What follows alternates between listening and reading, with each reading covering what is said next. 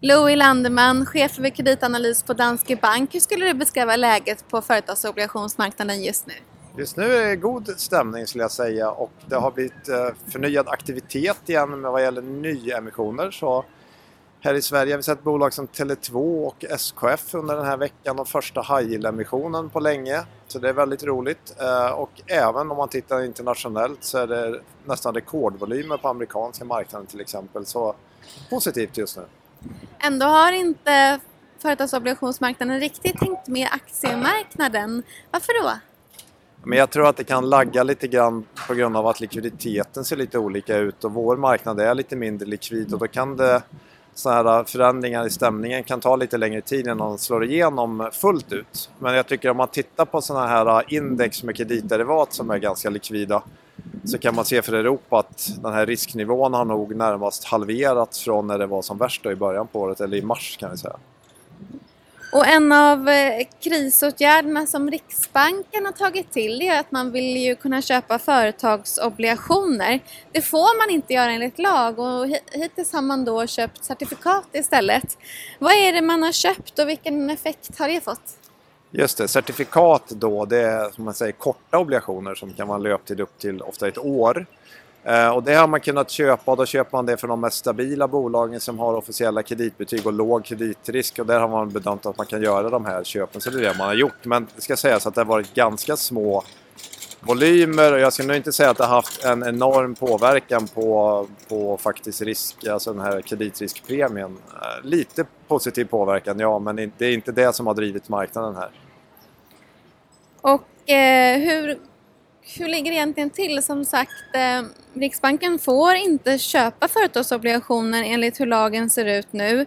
Nyligen, nyligen så har man också eh, anlitat Blackrock, alltså en av världens största fondbolag, för att ta fram ett program för hur köpen av företagsobligationer ska kunna se ut. Vad är dina förväntningar på den här utvärderingen och kan, kommer lagen att kunna ändras? Ja, det är en jättebra fråga. Jag tror det är precis det som Riksbanken håller på att utvärdera. Att om vi nu ska köpa företagsobligationer, vilka eventuella lagförändringar kan krävas och är det några andra saker som man kanske vill se på vad gäller till exempel marknadens funktionssätt? Jag misstänker att det är det som den här utredningen från Blackrock går ut på lite grann. Så att, nu vet vi inte, vi får väl se vad, vad det blir för resultat av utredningen, att det klarnar. Men det Riksbanken har sagt tidigare det är att man vill så att säga förbereda sig så att om det skulle behövas så ska man kunna börja köpa företagsobligationer för att då lite grann stödja marknaden. Och lite på liknande vis som man då både ECB och Fed just nu gör. Förväntar du dig att den här utvärderingen blir offentlig? Eh, jag är nog osäker på det, men däremot så blir det väl offentligt vad Riksbanken tycker att man vill dra för slutsatser av utredningen skulle jag tro. Och det kan ju då komma olika typer av policyförslag och det kan ju även handla om saker som pristransparens eller om det är några andra krav man skulle vilja se för om man tycker att det behöver förbättras någonting. Kan vi rent av komma att se det som har varit eh, fallet i USA, nämligen att Riksbanken köper high yield-obligationer också? Ja, eventuellt. Man ska väl inte utesluta någonting. Jag tror kanske just nu, om jag skulle gissa, så kanske man inte... Det är väl inte det första steget man tar. Jag kan tycka på sätt och vis är det ett ganska extremt steg man har tagit i USA, det visar väl om något hur stor high-yield-marknaden har blivit där, att man tycker den är så pass viktig. Men det finns ju också mycket problem med en sån sak, inte minst typer av moral hazard-problem. Alltså att om nu investerare tagit viss risk, ska man inte då stå den risken själv eller ska man liksom bli eh, utköpt av, av staten? Ska de ta den risken istället? Jag tycker att det, är en, det ska man nog fundera på både en och två gånger innan man tar ett sånt steg. Då. Men det är de här Fed-köpen som gör att vi ser så väldigt stora skillnader mellan den europeiska och amerikanska obligationsmarknaden, eller vad säger du? Ja, det, alltså det som Fed har gjort har ju drivit ner kreditspreadarna väldigt mycket i USA och det är såklart eh, mycket tack vare det. Sen kan man komma ihåg att både alltså USA har sina problem, de har en stor energisektor, mycket oljeexponering och sånt där och det är många av de bolagen som har problem nu. Och som sagt, high marknaden är mycket större andel av företagens finansiering. Vi ska ju ändå komma ihåg att här i Sverige till exempel så är det ju så att bankerna står fortfarande för en stor del av total utlåning till företag och där har ju Riksbanken istället valt att stödja kreditmarknaden via bankerna. Så det är ju ett ganska rimligt sätt att, att, jobba på kan jag tänka mig, i alla fall i utgångsläget. Men eh, apropå den här lagändringen, om vi ändå går tillbaka lite till det. Kommer vi att få se att Riksbanken köper rena obligationer i år tror du? Ja, det skulle jag inte alls utesluta. Sen är det klart att det beror på hur lång tid det tar. För att just nu som det verkar så håller ju lite grann marknaden på att reparera sig själv om man uttrycker så. Att vi just ser nu att high bolag kan faktiskt eh, gå ut och göra obligationer som vi såg då här tidigare den här veckan. För några veckor sedan hävdades ju till exempel att marknaden är inte öppen men jag tror att det snarare har handlat om att de här bolagen som skulle kunna låna pengar har valt att inte göra det. Man kanske har tyckt det varit för dyrt. Man kanske också har slopat utdelningar och har inte samma behov.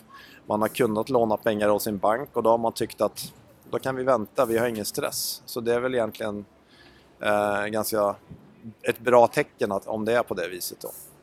Ja, för vi hade ju en situation i eh, Sverige här där över 30 fonder stängdes.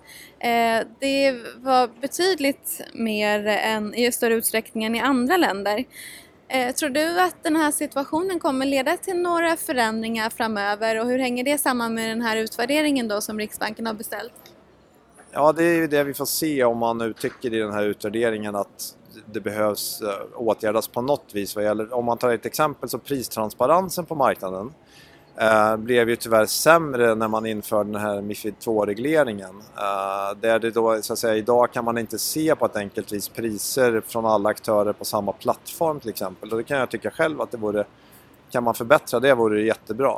Sen ska jag också säga så att många av de fonder som stängde då i, i mars, så de flesta var det ju en väldigt kort tid, sen var det några som hade stängt lite längre. Så, så där var det väl också delvis att marknaden rörde sig väldigt, väldigt mycket på väldigt, väldigt kort tid och det var ju en väldigt stressad situation generellt så det ska man, det ska man tycker jag också komma ihåg och, och det är ju också någonting att alltid tänka på om man nu skulle vilja investera i en sån här fond att det är inte samma likviditet på alla papper. Alltså räntemarknaden är väldigt eh, säga, heterogen. Det finns ju allt ifrån väldigt eh, högriskabla high yield-bolag till väldigt stabila alltså statligt relaterade emittenter. Och det ska man alltid tänka på om man tittar på att köpa eller investera i en sån här fond. Vad är det för innehav man har? Hur ser riskprofilen ut? Och förstå det att det är inte alltid så att alla innehav går att omsätta på en gång om, om många investerare vill ta ut pengar, vilket man ju då ville i, i slutet på mars. Där. Och de fondsparare som då inte sålde utan är kvar i sina högräntefonder, de ligger, många utav dem kvar kring minus 6-7 procent och då har ju rent av eh, aktiemarknaden då gått bättre under den här perioden. När tror du marknaden för högränteobligationer har återhämtat sig? Ja, vi är ju mitt i den processen just nu. Jag tror, som det ser ut just nu och givet att man är, fortsätter vara lite positiv på den här återhämtningen så kommer ju förmodligen eh, ska jag säga, den här kreditriskpremien att fortsätta och, och gå ner. Så då ser det ju egentligen ganska bra ut på vår marknad fortsatt. Dock ska man ju komma ihåg att många bolag är ju väldigt stressade just nu. Eh, och det gäller kanske detaljhandeln till exempel men det gäller ju även många andra branscher. Så det man ska tänka på för individuella namn är ju att det kan ju hända allt ifrån att det blir en företagsrekonstruktion till eh, andra typer av problem och vinstvarningar och då kan ju priset på sådana obligationer i just de bolagen falla ganska mycket om det, om det så att säga, inträffar. Så det blir jätteviktigt då att man så att säga, väljer rätt bolag som förvaltare och kanske alltså framförallt egentligen väljer bort rätt bolag. Då. Och för två månader sedan när vi talades vid senare då sa du att det eventuellt var köpläge eh, och det är baserat på att spreadarna är som högst 6 till 12 månader före antalet konkurser är på topp. Eh, nu har ju läget ljusnat lite här i coronakrisen. Var det botten vi såg där för två månader sedan? Just nu så ser det ju ut så. Så fram till nu, ja. Eh, det som är jätteviktigt att tänka på det är ju att eh, alltså vad tror man själv om konjunkturen framöver och kanske på ett, två års sikt, vilket är jättesvårt att säga om. Men visst, ett, under ett återhämtningsscenario så ser ju generellt värderingen bra ut.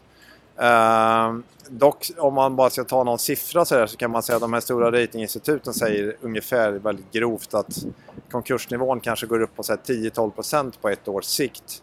Men under deras mer negativa scenario, att vi får något mer tufft, uh, liksom mer recession uh, på ett års sikt, då pratar man om kanske dubbla den nivån, gå uppåt 20% och det är ju inte riktigt vad som är inprisat idag. Så då kan man ju säga, skulle det hända, då finns det snarare kanske fallhöjd då. Så att, eh, ja, det är just det här vad man tror om konjunkturen, den här väldigt svåra frågan då som man kommer tillbaka till hela tiden.